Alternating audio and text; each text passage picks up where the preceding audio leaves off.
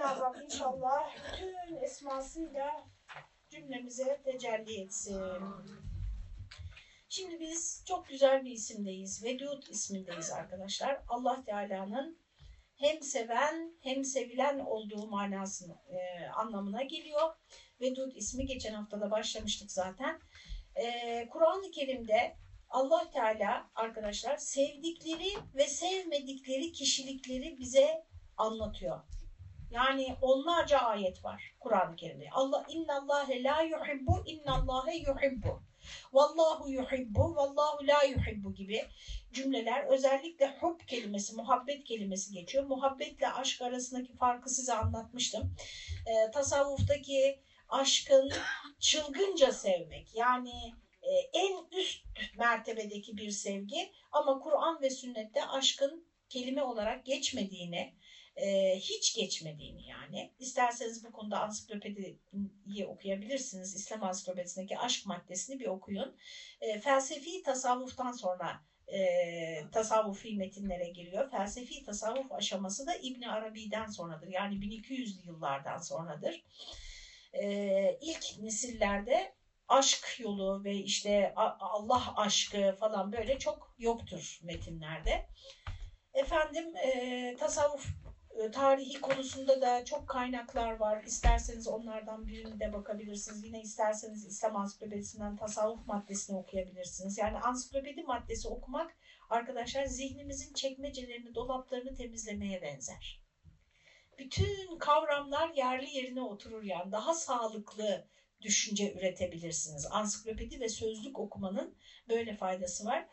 E, tasavvuf tarihi üç ana bölüme ayrılıyor arkadaşlar. Zühd devri, tarikatler devri, felsefi tasavvuf devri. Zühd devri tasavvuf ilk dönem yani Hasan-ı Basri'ler, işte Rabiatül Adeviler, Cüneyd-i Bağdadiler zühd devri tasavvufudur. Tarihçilerin bize söylediğine göre ben bir akademisyen, bir alim değilim. Okuduklarımı size aktarıyorum. Bize tasavvuf tarihçilerinin söylediğine göre Emevi hanedanının e, aşırı lüks ve sefahat içinde yaşaması, ona kapılması ve bunun normalleşmesi üzerine bir tepki hareketi olarak başlıyor. Zühd, dünyayı terk etmek demek. Dünyadan uzaklaşmak demek. Dolayısıyla böyle bir hareket olarak başlıyor. Yani şeyh yok, mürit yok, e, tekke yok, tarikat yok, ismi yok. Yani hangi tarikattan böyle yok. Sadece şahıslar var. Şahı, bunlar alimler aynı zamanda ilim ehli insanlar ve e, gidişata karşı çıkıyorlar. Daha çok takvayı vurguluyorlar. Peygamberimizin işte dünyaya rağbet etmeme, nefse hakim olma, nefsin her istediğini işte caiz de olsa yapmama. Mesela caizle ilgili, caiz kavramı ile ilgili Elmalı Hamdi Yazır'ın bir sözü var arkadaşlar. Bunları biz zaman zaman birbirimize hep hatırlatmamız lazım. Şimdi bir şeyi soruyorsunuz fetvasını. Diyor ki caiz. İşte caiz yapılabilir. Elmalı Hamdi Yazır diyor ki arkadaşlar caiz demek terki evla demektir. Yani en alt seviye demektir. Yapmasan daha iyi. Bundan yani bu biraz hani artık çok sınırda demektir. İşte şöyle giyinmek caiz mi? Caiz. Kadının şunu yapması caiz mi? Caiz. İşte caiz diyen var, caiz değil diyen var mesela. Hadi caiz diyene sığınarak yapıyorsun bazı şeyleri. Ee, hepimiz yani. Ha, terki evla demektir. İşte bu sufiler yani ilk dönem zahitler, zühd ehli olanlar e, bu caizleri bile terk ederek bu dünyevileşmeye bunlara karşı çıkıyorlar. Yani bu mübahların aşırılaşmasına, ve hayatı işgal etmesine ve tek amaç haline gelmesine karşı çıkıyorlar ve bir hareket başlıyor böyle. Nasıl diyeyim doğal biç biçimde başlıyor arkadaşlar. Yani Hasan-ı Basri bir yerde vaaz veriyor, sohbet ediyor. İnsanlar onun etrafında toplanmaya başlıyorlar. Hasan-ı Basri de işte zühdü, takvayı, e, nefse karşı dikkatli olmayı bunları öne çıkarıyor ve bu böyle onun öğrencileri, onun öğrencileri derken böyle devam ediyor. Aralarında geçiş ne zaman? Yani biliyorsunuz tarihi hadiseler bıçakla kesilir gibi olmaz. Evet bugün şimdi züht devrini kapatıyoruz, tarikat dönemini başlatıyoruz. Böyle bir şey olmaz. Ee, doğal bir geçiş halinde arkadaşlar. Zamanla bu hareket kurumsallaşmaya başlıyor. İşte buna tarikatleşme diyoruz. Yani adı konunuyor Bir yeri oluyor. Ondan sonra e, ritüelleri oluyor. Tarikata girme ritüelleri oluyor. O tarikata ait olmanın size yüklediği sorumluluklar oluyor. Anlatabildim mi? Kurumsallaşıyor. Yani tasavvuf, o züht hareketi kurumsallaşıyor. E, ve İbni Arabi ve Mevlana zaten çağdaş onlar efendim ile birlikte tasavvuf, felsefi tasavvuf dönemi başlamış oluyor. Böyle bir kabaca size bir e, tasavvuf tarihi çizmiş oldum. E, hepsinden öğreneceğimiz, alacağımız şeyler var. Şimdi arkadaşlar o Kur'an-ı Kerim'de Allah kimleri sever, kimleri sevmez. İnşallah onları ben size getireceğim. E, çıkarmıştım o ayet kelimeleri. Hepsini göreceksiniz. Mesela hainleri sevmez. Çok temizleri sever Allah Teala. E, işte ve benzeri birçok ifadeler geçiyor Kur'an-ı Kerim'de. Şimdi burada gördüğünüz cümle bakın diyor ki Allah işte yuhibbu la yuhibbu yani muhabbet kökünden fiil formuyla kimleri sevdiğini zaten anlatıyor Kur'an-ı Kerim'de. Bununla yetinmiyor. Yani sevgisini fiili olarak fiiller kullanarak anlatmakla yetinmiyor. Bir de kendisine Vedud isminde isim e, söylüyor. İsmi olduğunu söylüyor. Bir isim ediniyor. Şimdi burada ne fark var arkadaşlar? Arasında ne fark var? Şu fark var. E, fiil gelip geçici bir şeydir. Sizin kalıcı bir özelliğinizi göstermez. Şu anda ne yapıyorsun? Ders dinliyorum. Şu anda ders dinliyorsun. Bu sizin ders dinlemek ama sizin sıfatınız değil. Kalıcı bir sıfatınız değil. Şu anda kitap okuyorum. Ama okur değilsiniz. Şu anda okuyor olabilirsiniz ama tırnak içinde okur nedir? Sürekli olarak okuyan, takip eden, yeni çıkanları takip eden bir e, makaleleri takip eden vesaire. Şu anda bir yazı yazıyorum, ödevimi yazıyorum ama yazar değilim. Değil mi? Bunun gibi. Yemek pişiriyorum ama aşçı değilim. Bunun gibi yani. Öyle düşünün. Allah Teala sevgisini fiili, fiil kalıpları kullanarak Kur'an-ı Kerim'de işte az önce söyledim onlarca ayette anlatmakla yetinmemiş. Bir de bunları e, isim olarak kalıcı bir şekilde kendisinde bu sevginin varlığını gösteren bir isim seçmiştir. İşte o da Vedud ismi arkadaşlar.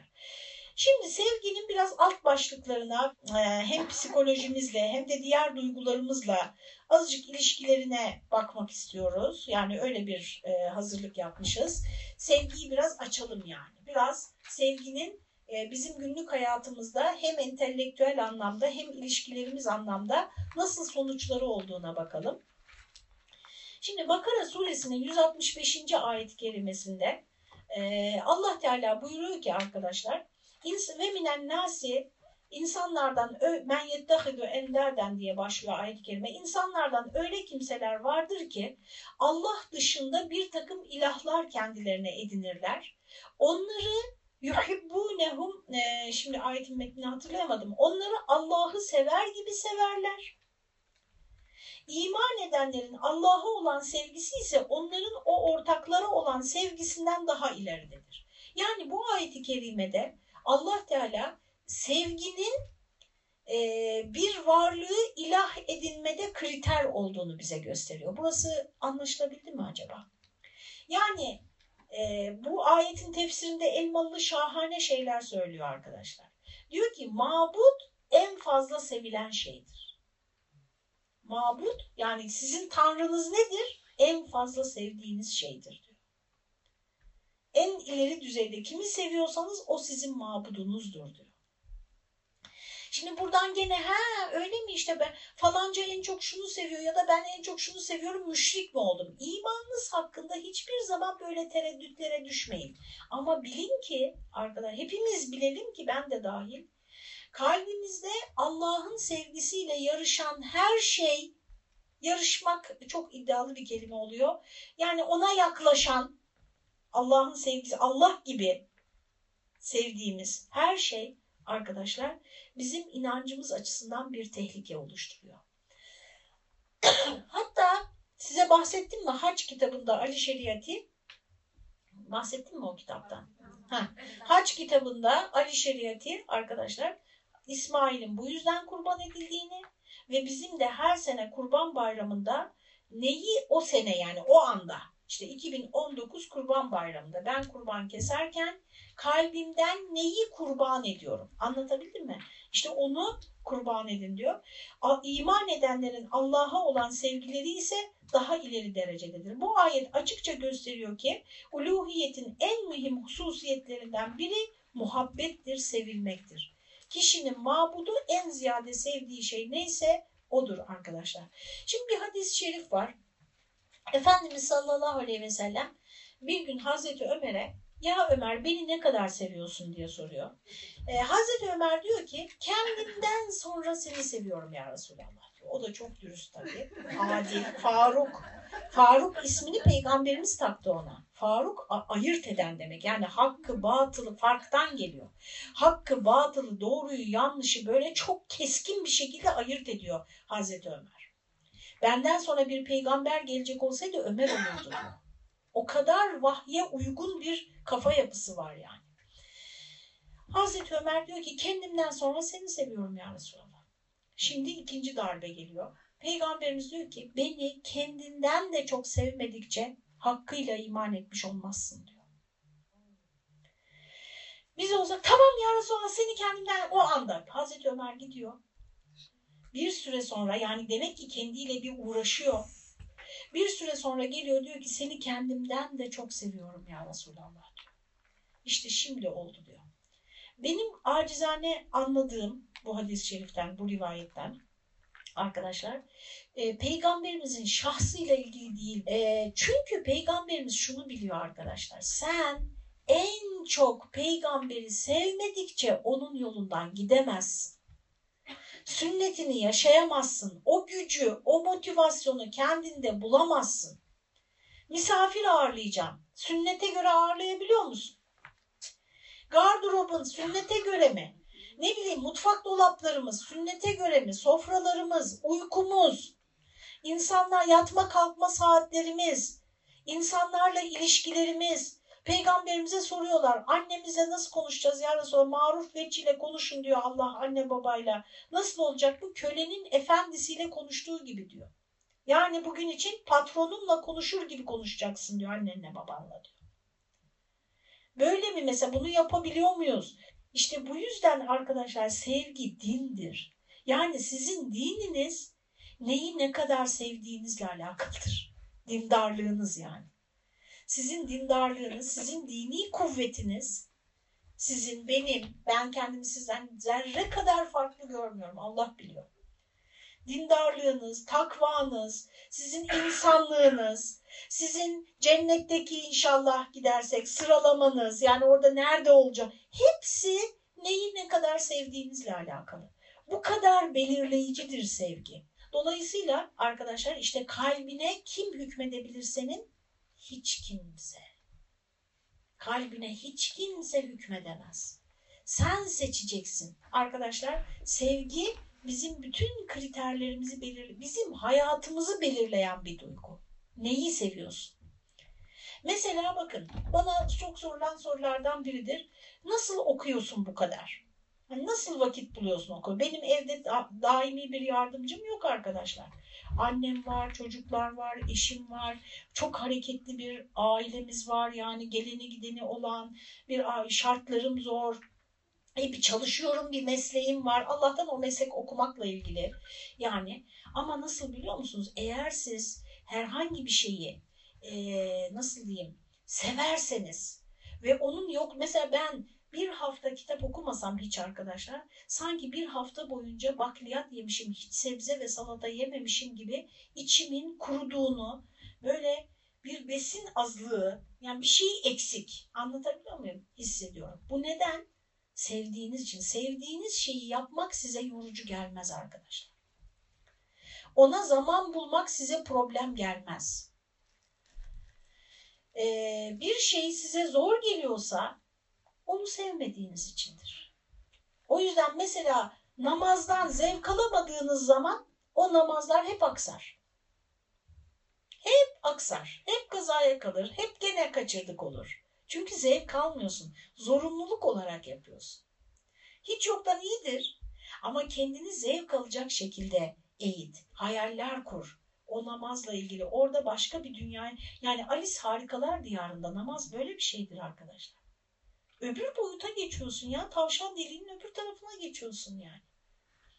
E ben hiçbir geçmiyorum gene oradayım her şeyi duyuyorum ediyorum diyeceksiniz. E sen geçmiyorsun ne yapalım? Allah geç diyor. Ayağına kapanmış gibidir diyor. O kadar yakın ol, oluyorsun diyor. Yani geçmen lazım. Bunlara inanıyorsan, bu hadislere inanıyorsan. E, dolayısıyla arkadaşlar eğer sevdiklerimizi yani kimi seviyoruz, ne kadar seviyoruz? Bunu kontrol edebilirsek bizim bütün hayatımız A'dan Z'ye kendi istediğimiz gibi olur arkadaşlar. Edebilir miyiz peki? Sevgimizi kontrol edebilir miyiz? Edemiyoruz ayrı da. Böyle bir gücümüz var mı? Var arkadaşlar. Böyle bir gücümüz yok diyorsanız önce yapmanız gereken okumalar var. Burası size şu anda biraz fazla olur. Önce başka şeyler okumanız gerekir ama en azından şu sevme sanatını yani artık dilimden biten tüyler hani Üsküdar'dan Beşiktaş'a doğru geçiyor yani denizin üzerinden. Yıllardır söylediğim bir kitap Sevme Sanatını lütfen okuyun. Erich Fromm'un. Sevmek arkadaşlar bir davranıştır. Duygu değildir. Peki seviyormuş gibi yapsak bir süre sonra sever miyiz? Evet. evet. evet. Duygular taklit yoluyla da kazanılabilir. Arkadaşlar mesela çok kızgıdığınız bir zaman sakinmiş taklidi yapın. Kızgınlığınızın otomatikman geçtiğini göreceksiniz. Sakinken kızgın taklidi yapın. Gerçekten böyle bir sinirlendiğinizi hissedeceksiniz. Konuşma tonunuz bile. Arkadaşlar bunun üzerine bir TED konuşması dinlemiştim bu konuyu anlatan. Mesela bir iş yerinde mülakata gidiyorsunuz, iş görüşmesi. Diyor ki 10-15 dakika önce gidin.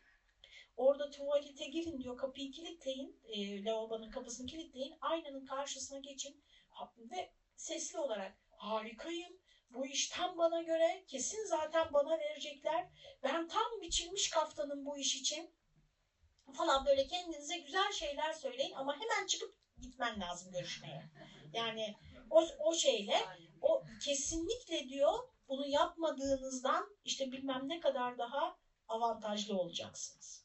Onun için bu sabah yine bir şey okudum onu da söyleyeyim de artık bu çorbayı ocaktan indirelim konuya devam edelim. Ee, çocukların iç sesi arkadaşlar annenin sürekli onlara söylediği şeylerden oluşurmuş. Çok acıklı bir şey. İç ses yani kendi kendinize ben beceriksizim, ben beceri, ben yapamam, ben becerebilecek miyim bakalım, ben işte niye yine sakarlığım tuttu gördün mü? Bu iç ses annenin sana çocukluk yılları boyunca söylediklerinin senin tarafından kendi düşüncen gibi dile getirilmesi. Bunun farkına vardığınızda onu da düzeltebilirsiniz. Yani onlar senin düşüncen değil. Kendin hakkındaki bu kötü şeyler senin düşüncen değil ve gerçek de değil. Başkasının sana telkinleri ama o da kasten yapmadı. Kim ister ki çocuğunu kompleksle veya aşağılık duygularıyla yetiştirmeyi kim ister? Daha mükemmel olsun diye öyle yaptı. İç ses arkadaşlar o iç ses bizim e, bütün şeyimizi düşürüyor. Bak omuzlarımız düşer, kanatlarımız düşer eğer iç sesimiz kötüyse. E, sevgi de onu söyleyeyim bu, bu başlığı kapatalım. Aşırıya gittiğimiz zaman arkadaşlar sevgide aşırıya gittiğimiz zaman o şey bizim için mabuda dönüşür. Onun için bakın Hristiyanlar Hazreti İsa'yı ilahlaştırdılar. Ne için? Çok sevdikleri için arkadaşlar. Ee, Evliyaullah'ı bazıları ilah seviyesinde görüyor. Ondan yardım istiyor, ondan ev istiyor, ondan çocuk istiyor, ondan ne bileyim bir şeyli kısmet istiyor. Niye? Çünkü onu aşırı sevdiği ve gözünde aşırı büyüttüğü için. Aşırı değer vermek ve aşırı büyütmek, aşırı sevmek arkadaşlar ilahlık derecesine o, o insanı kendi iç dünyanızda ilah gibi görmenize yol açıyor. Efendimiz beni kendinden de çok sevmedikçe iman etmiş olamazsın diyor. Ama aynı zamanda diyor ki Hristiyanların Hazreti İsa'yı yücelttikleri gibi siz de beni yüceltmeyin. Ama beni kendinden de çok sevmedikçe iman etmiş olamazsın. Ama yüceltemezsin diyor. Ben Allah'ın kulu ve Resulüyüm. Ben ancak bir beşerim. Kaç defa geçiyor hadislerde, ayetlerde? De ki ben ancak bir beşerim. Kul innema ene beşerum mitlukum. Ben sizin gibi bir beşerim. Kaç defa geçiyor ve kaç defa peygamberimizden olağanüstü şeyler beklediklerinde Cenab-ı Hak onu boşa çıkarıyor. Olağanüstü şeyler bekliyorlar, yapmıyor Allah. Çünkü onun ilahlaştırılmasını istemiyor arkadaşlar. Anlatabildim mi? Peki.